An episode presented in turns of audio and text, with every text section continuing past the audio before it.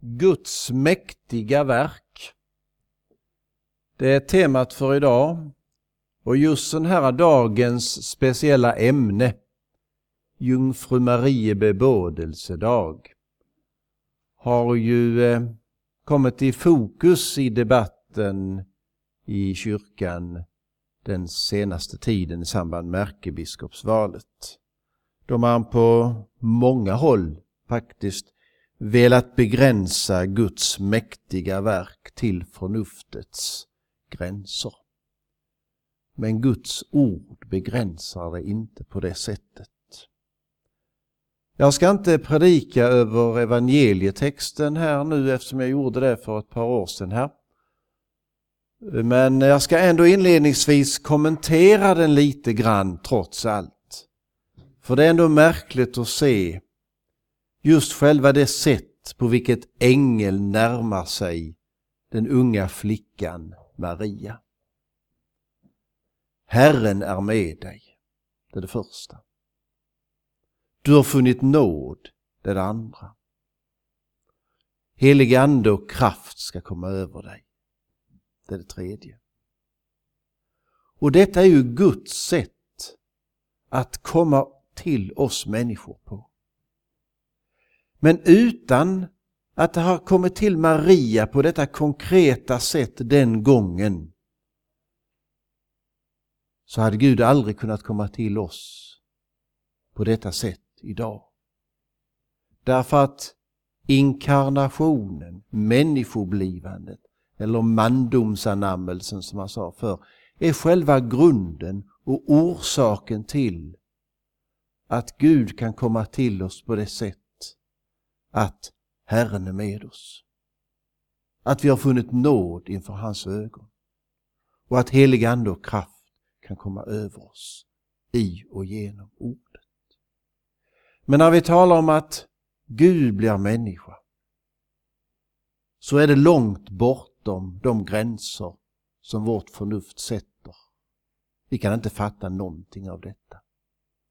Och jag brukar citera Rosenius i julaftonens dagstycke där han skriver, jag kan inte begripa det. Men jag kan heller inte komma ifrån det. Mina tankar snärjs såsom i ett, nöt, ett nät av eviga obegripligheter, men också oundkomliga vittnesbörd. Och frågan har den vikt att med den hela kristendomen står eller faller. Och med den vår frälsning och salighet. Och frågan har den vikt att med den hela kristendomen står eller faller och med den vår frälsning och salighet. Det ord vi ska komma, vi ska ha med oss nu när vi ska stanna inför episteltexten från idag som vi hämtar ur Kolosserbrevets första kapitel Ja, jag läser från verserna 13, ja, från vers 13 till och med vers 20. Men vi ska börja med att stilla oss i bön inför Herrens ansikte.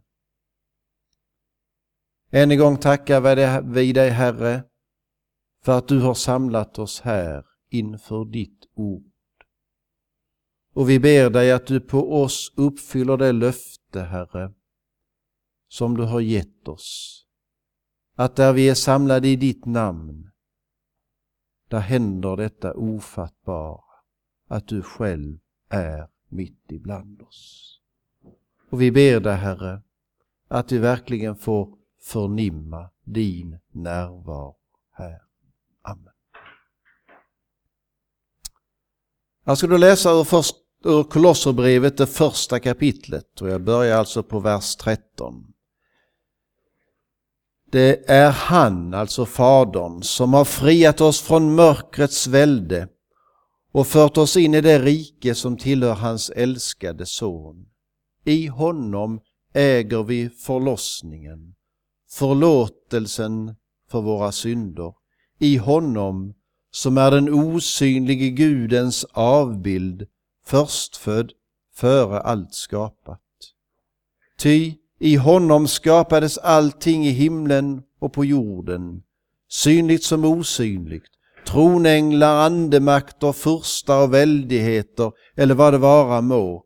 Allt har blivit skapat genom honom och till honom. Han är till före allting och allting äger bestånd i honom. Det är också han som är huvudet för kroppen, kyrkan. Han är begynnelsen, den förstfödde från de döda, för att han skulle vara den främste i allt. Ty det behagade Gud att låta all fullhet ta sin boning i honom och att genom honom försona allt med sig, sedan han stiftat frid genom blodet på hans kors. Genom honom skulle så ske med allting, både i himlen och på jorden. Här möter vi en av dessa fantastiska Kristushymner som eh, vi möter på flera ställen i Nya Testamentet. Framförallt i breven naturligtvis, men även i åtminstone Johannes evangelium. Kristushymner. Vi kallas ju kristna. Och det namnet har vi fått, ett ärenamn vi har fått därför att vi tror på Kristus. Annars är det ju ganska vanligt att människor, trots vår sekularisering, ändå tror på någon form av högre makt. Någon med stort N och kanske en del till och med använder ordet Gud. Så långt är många människor med. Men sen, när vi möter en sån Kristushymn som vi möter här, då ställer man sig inte bara frågande utan också avvisande. För många år sedan, det är säkert 50 år sedan kanske, så gavs det ut en bok som hette Gud, ja, men Kristus? Frågetecken. Och det är en, en, ett frågetecken som många reser just inför detta med Jesus. Guds son, Gud av Gud, sann Gud av sann Gud och så vidare. Och även i Kolosse fanns det alltså de som ville då tona ner detta med Kristus, med Jesus. Där fanns en rörelse som kallas gnosticism, från grekiskans gnosis, insikt. Det eh, finns mycket att säga om den och jag ska bara begränsa mig till en liten bit idag här. De eh, ville liksom smälta samman allt det goda från olika religioner. Man ville liksom ta det bästa tyckte man som man bedömde och eh, det gjorde ju att Jesus inte fick den avgörande plats, funktion som man har i den kristna tron. Man behövde därför tona ner budskapet om Jesus därför att det skulle samlas tillsammans med många andra tankar. Och Bo Gert skriver i sin kommentar att man var villig att ge Jesus den ställning som man har idag, till exempel i islam eller rent av i hinduismen. Man var beredd att ge honom en ställning som en av många gudsuppenbarare. En av många gudasändare, vägvisare för hur vi människor ska kunna leva ett gott och riktigt liv. Men i detta ligger naturligtvis djupast det att Jesus får en annan roll än att vara frälsaren. Mot detta protesterar alltså Paulus. Det är därför han brister ut i denna Kristushymn. Då liksom nu finns det ingen kristendom där inte Jesus står i centrum. Och inte bara det, det är ju faktiskt så, det är skriftens otvetydiga och obestridliga vittnesbörd att världen skulle varken skapats eller uppehållits om inte Kristus varit och är verksam idag. Han är den ojämförlige. Han är den osynlige Gudens avbild. Och här ser vi också hur våra förnuft och vår förmåga att tänka och dra slutsatser inte längre räcker till. Den osynliges avbild. Vi möter ju för övrigt detta på flera andra ställen i, i Bibeln. Vi har till mål, skriver Paulus, inte det, till ögonmärke skriver han rent av, inte det som syns utan det som inte syns. Till ögonmärke det som inte syns. Vi minns säkert alla om Mose att han hade osynlig, liksom för ögonen. Men Kristus är den osynlige Gudens avbild. Allt har blivit skapat genom honom och till honom. Han är före allting och allting äger bestånd i honom, läste vi. Och vi kan väl också läsa då inledningen till, det blir lite av bibelstudium, inledningen till Johannesevangeliet. Där vi möter detta ofattbara också. I begynnelsen var ordet, ordet var hos Gud och ordet var Gud. Han var i begynnelsen hos Gud. Så kommer det, allt blev till genom honom och honom förutan blev ingenting till. Det som blivit till i honom, det ägde liv och livet var människornas ljus. Ljuset lyser i mörkret och mörkret har inte fått makt med det. Och sen kommer det sen med anledning av denna dagen och ordet vart kött och tog sin boning ibland oss. Och så ser sen Johannes tillbaks och skriver Vi skådade hans härlighet, härligheten som den enfödde fått av sin fader, den osynliges avbild, full av nåd och sanning. Och vi kan väl också läsa några rader hur i brevet, det första kapitlet i början där, att Gud har talat till oss genom sin son, vilken han har insatt till arvinge av allt och genom vilken han skapat världen. Han är Guds härlighets återsken och hans väsens avbild och han bär allting med sitt mäktiga ord.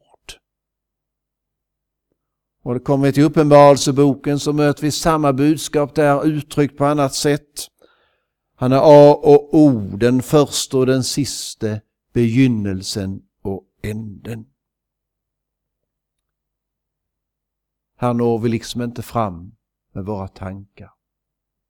Vi ställs inför det ofattbara, det som möter oss idag också på jungfru Marie bebådelsedag. Det barn som hon väntar sen i sin kropp. Det är den första och den siste som omsluter allt av evighet. Det finns egentligen inget liv utanför Kristus och hans verk. Paulus säger på Areopagen, det är i honom som vi lever, rör oss och är till. Och allting äger bestånd i honom, läste ju här i denna dagens text. Det ofattbara är att inte ens hädaren kan röra sin tunga utan hans kraft. Hånaren av kristen tro kan inte håna om han inte brukade den kraft som Gud ger honom. Ja, ingen skulle kunna finnas till om inte Kristus har uppehållit honom eller henne. Detta är ofattbart.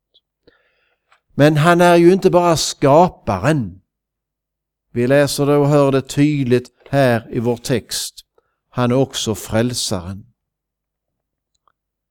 Det är han som har friat oss från mörkrets välde och fört oss in i det rike som tillhör hans älskade son. I honom äger vi förlossningen, förlåtelsen för våra synder. Han har genom honom försonat allt med sig sedan han stiftat frid genom blodet på hans kors. Och det är ju egentligen därför vi samlas här idag. Fria från mörkrets välde. Införsatta i det rike som tillhör hans älskade son. Det var därför Kristus kom för att frälsa oss.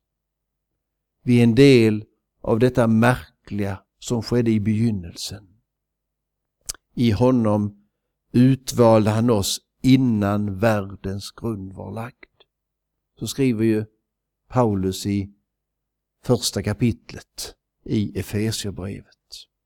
Det var ingen slump.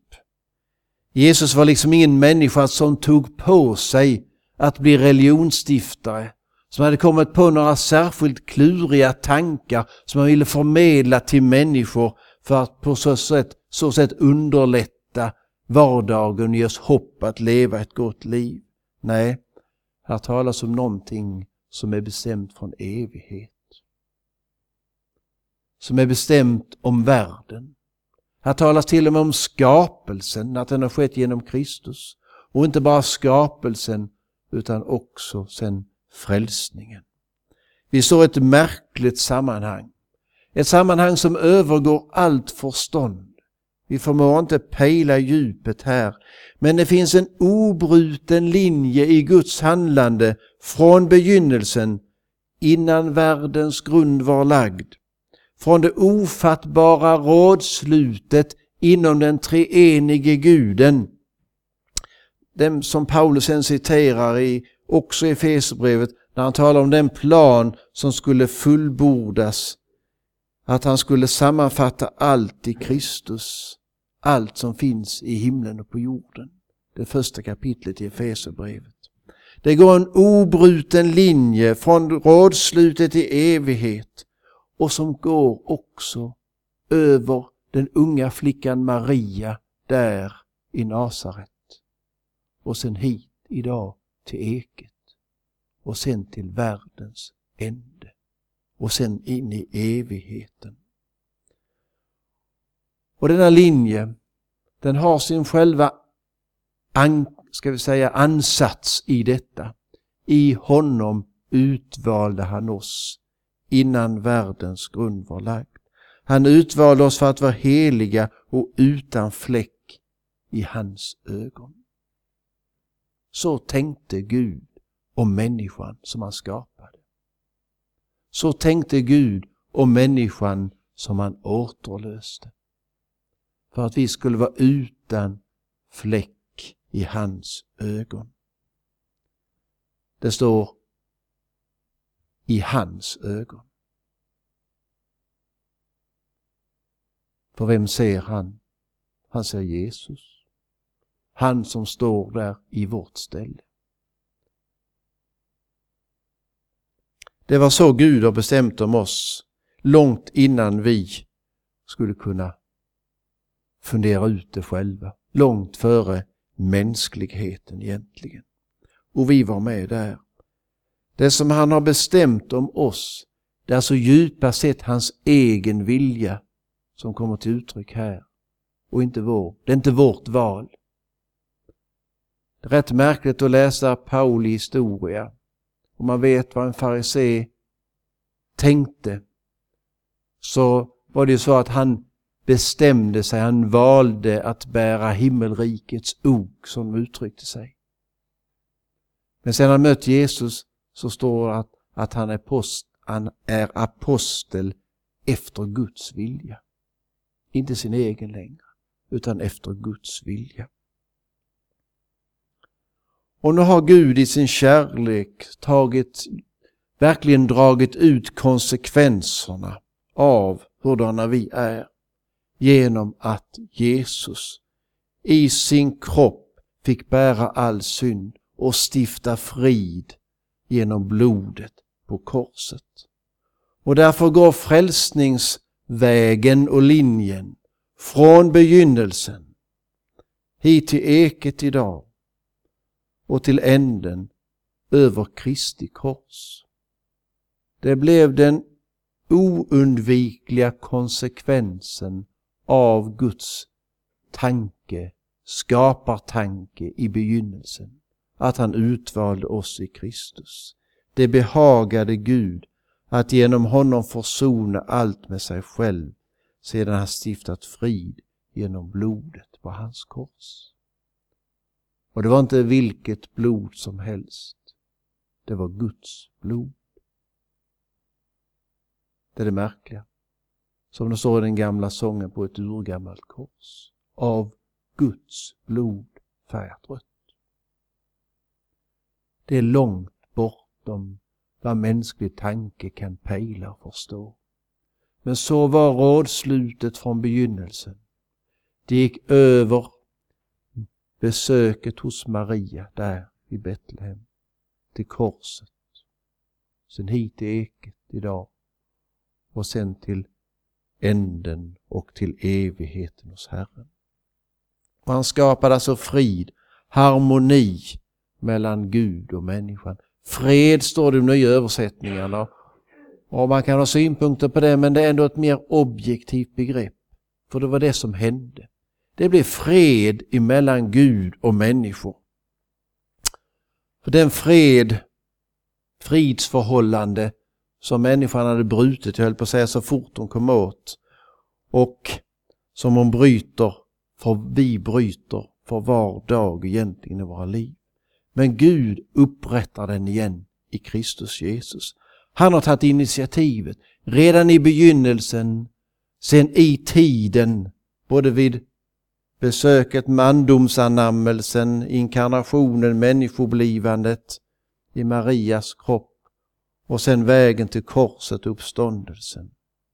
I honom äger vi förlossningen, förlåtelsen för våra synder. Det är en verklighet. Vi predikanter vi har en tendens att uttrycka oss lite sådär äh, tveksamt ibland. Att vi är lite rädda för att lova ut nåden sådär fritt. Som den nog egentligen är. Vi brukar kanske ofta säga så, nu får vi ha syndernas förlåtelse. Nu får vi äga hopp och frid. Men ser man till den heliga skrift så märker man att här finns en liten annan ansats. I honom äger vi, står det. Vi har. Det står inte vi kan få.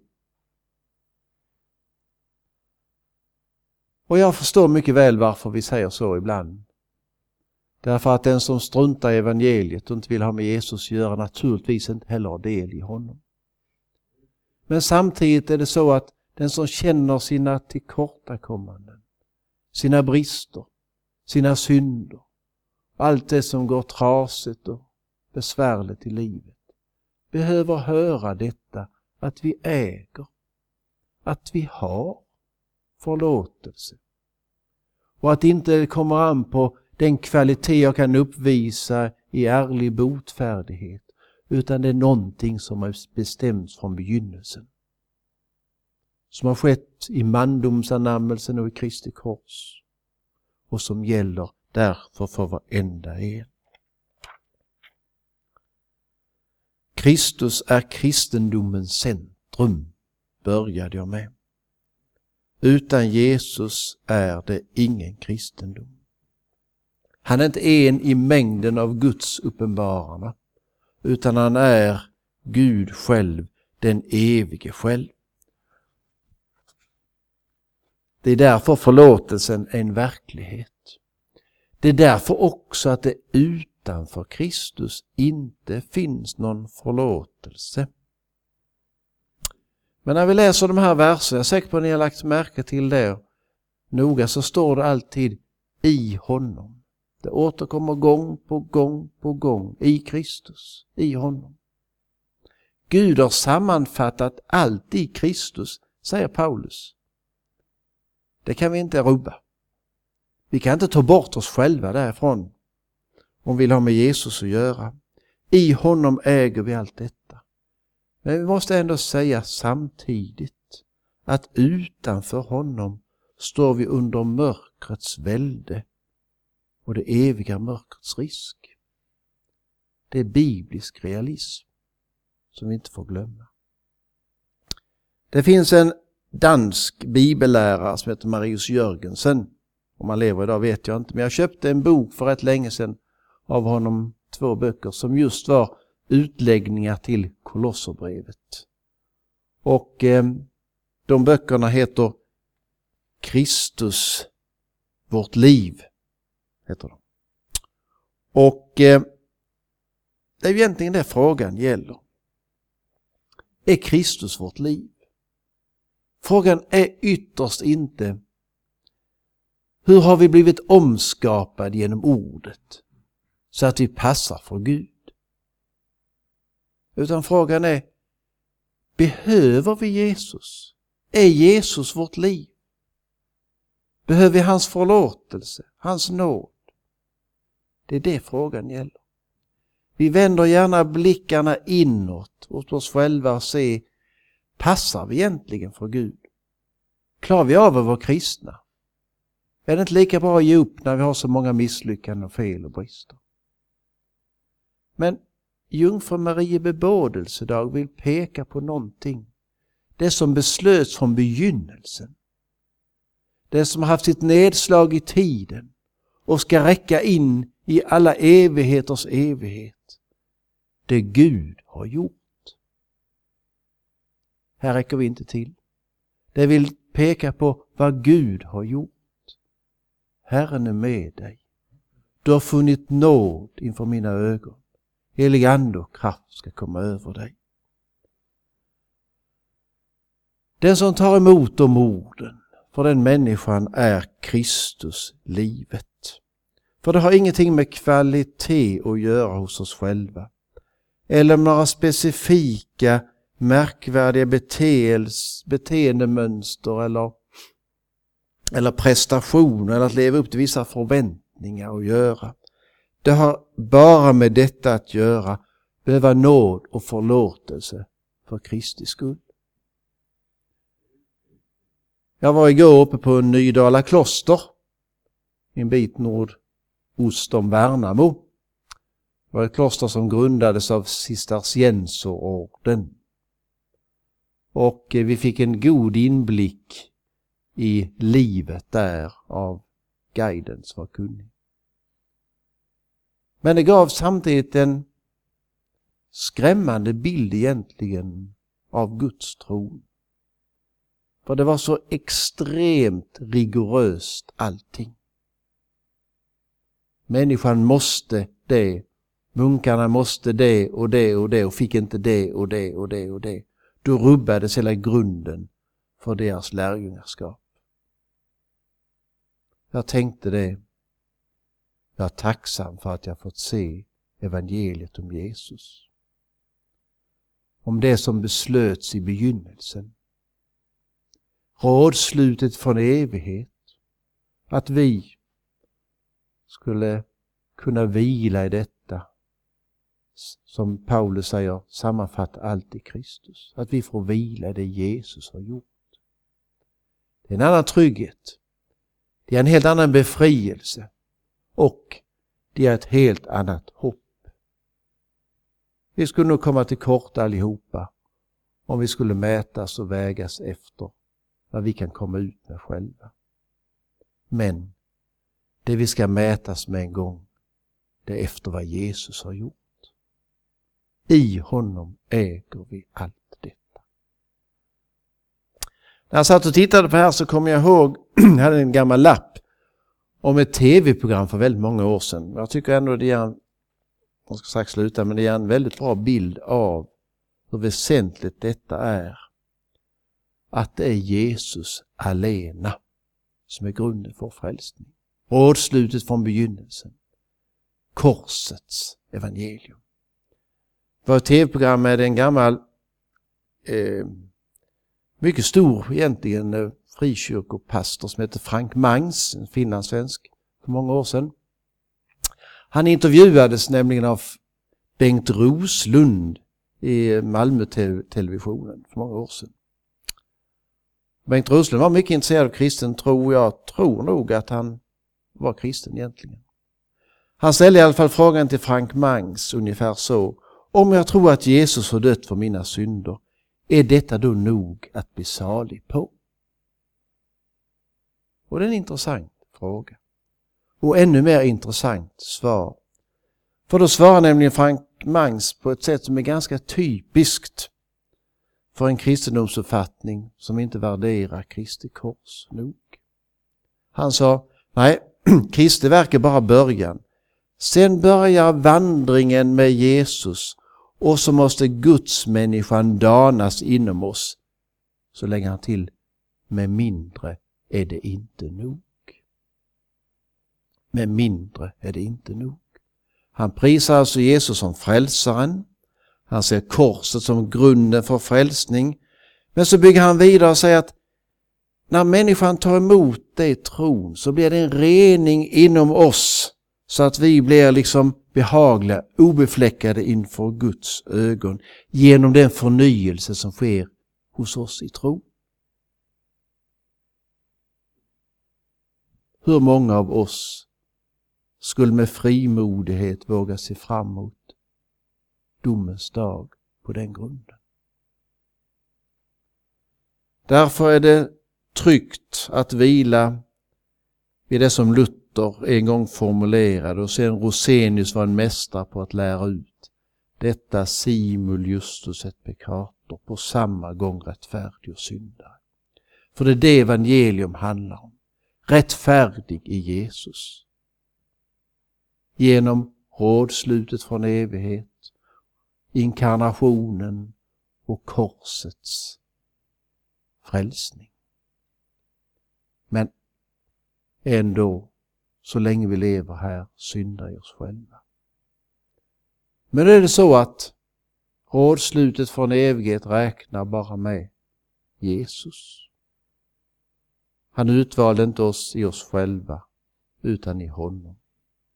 Och det är själva innebörden i denna dag, Jungfru Marie bebådelsedag, sann Gud och sann människa, för att kunna frälsa oss efter det rådslut han själv bestämt i evighet. Amen. Vi tackar dig Herre för detta ditt ord. Vi ber dig att du så välsignar det att vi ser att du är vår frälsare och att vi får vila i den frälsning du har räckt oss idag. Amen.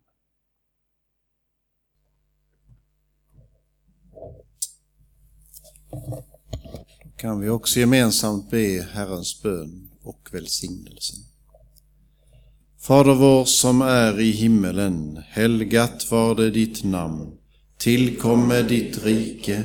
Ske din vilja så som i himmelen så och på jorden. Vårt dagliga bröd giv oss idag och förlåt oss våra skulder så som och vi förlåta dem oss skyldiga äro. Och inled oss icke i frestelse utan fräls oss ifrån ondo. Ty riket är ditt och makten och härligheten i evighet. Amen. Herren välsigne oss och bevara oss. Herren låter sitt ansikte lysa över oss och vara oss nådig. Herren vände sitt ansikte till oss och giv oss frid. I Guds Faderns, Sonens och den helige Andes namn. Amen. Och så då också till allra sist, vår Herres Jesu Kristi nåd, Guds frid, den helige Andes gemenskap var med oss alla.